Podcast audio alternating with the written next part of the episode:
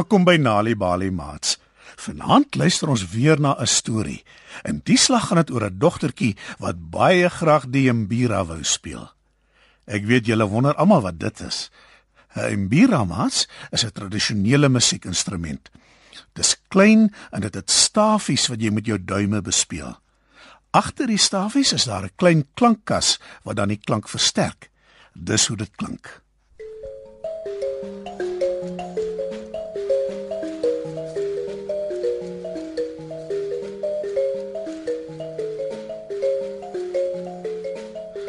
Lank lank gelede in 'n land ver van hier af was daar 'n dogtertjie met die naam Adele. Sy het groot geword met die woorde: Geen dogter of vrou in die land sal ooit die mbira bespeel nie. Nee, nee en nogmals nee.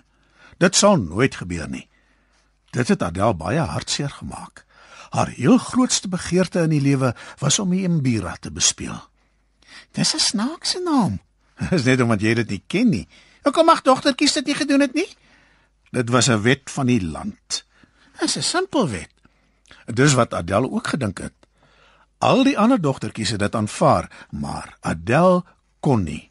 Sy het gedroom oor die Mbira en sy het vir haarself gesê sy sal eendag een besit en bespeel kom wat wil. Maar sy het ook geweet sy sal haarself moes leer om dit te bespeel want niemand sou haar help nie omdat dit teen die wet was. Sy het ook geweet sy sou dit in die geheim moes doen. Het 'n ma en pa geweet daarvan? Nee. Sy het nie eers vir haar ouers van haar begeerte vertel nie. Jy sien, Adele was 'n stil, gehoorsame kind. Sy het saam met haar ouers op 'n plaas naby 'n rivier gebly en sy was baie fliks met haar take. Sy het nooit teëgepraat wanneer sy in die huis moes help nie. My ma sou baie van haar gehou het.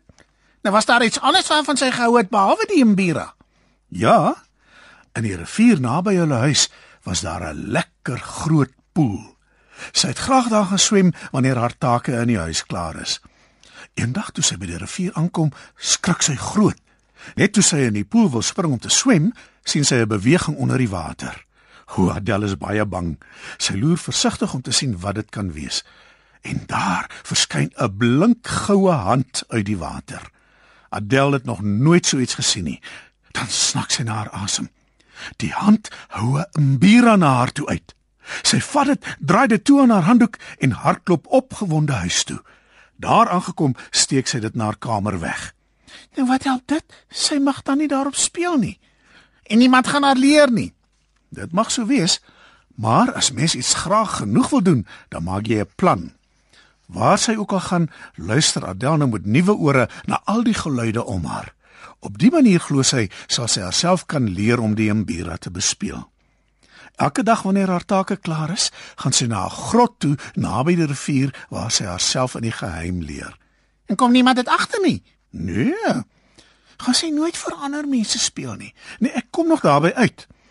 Elke jaar wanneer al die boere van die omgewing klaar geoes het, kom hulle bymekaar by die koning se huis om dit te vier.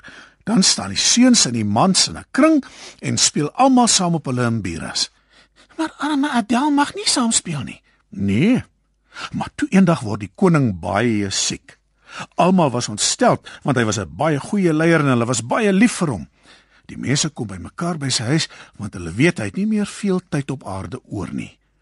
Adel is ouer gewoonte in die grot naby die rivier waar sy haar imbira bespeel.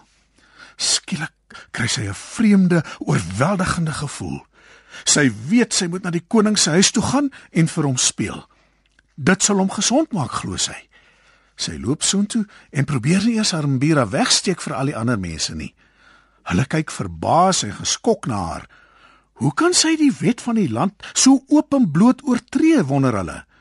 Die mans en die seuns fluister vir mekaar dat sy in groot moeilikheid gaan kom maar Adel steur haar nie aan hulle nie. Sy stap tot by die koning waar hy in sy bed lê. Dan gaan sit sy langs sy bed op die vloer en begin baie sag harmbira bespeel. Die koning draai sy kop na haar toe en glimlag. Nou speel Adel al harder en harder en sy sing saam met die klank van die musiekinstrument.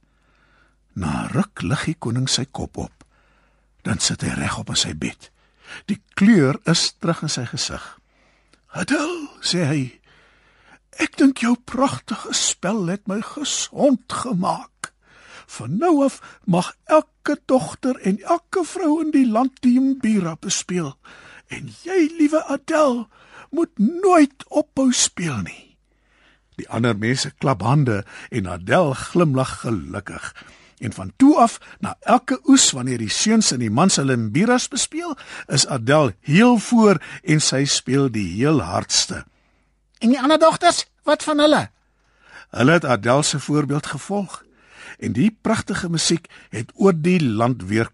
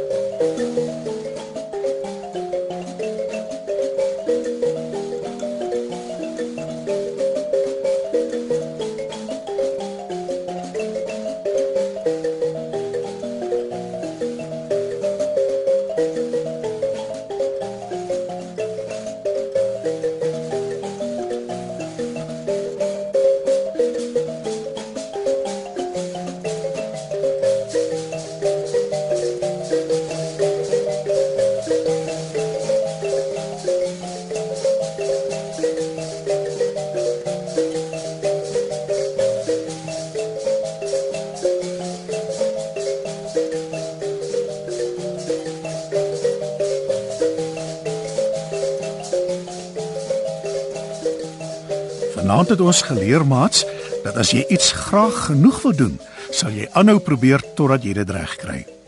Ons het ook geleer dat musiek een van die belangrikste dinge op aarde is. Musiek kan jou in 'n goeie stemming plaas en jou laat beter voel. Weet jy dat deur tuistories vir kinders te vertel en te lees, help om hulle beter te laat presteer op skool? As jy nog stories wil hê om vir jou kinders te lees of vir hulle om self te lees, gaan na www.nalibali.mobi op jou selfoon. Daar sal jy heelwat stories vind in verskeie tale. Jy sal ook wenke kry oor hoe om stories vir kinders te lees en met hulle te deel sodat hulle hulle volle potensiaal ontwikkel. Story Power. Bring dit huis toe. Besoek ons op www.nalibali.mobi of kry Nalibali op Facebook en mix dit. Die Nalibali byla met pragtige stories en heelwat aktiwiteite is beskikbaar in KwaZulu-Natal, Sunday World, Engels en isiZulu.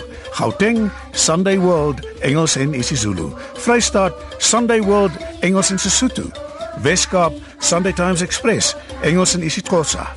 Ooskaap, The Daily Dispatch Dinsdae en The Herald Donderdag, Engels en isiXhosa.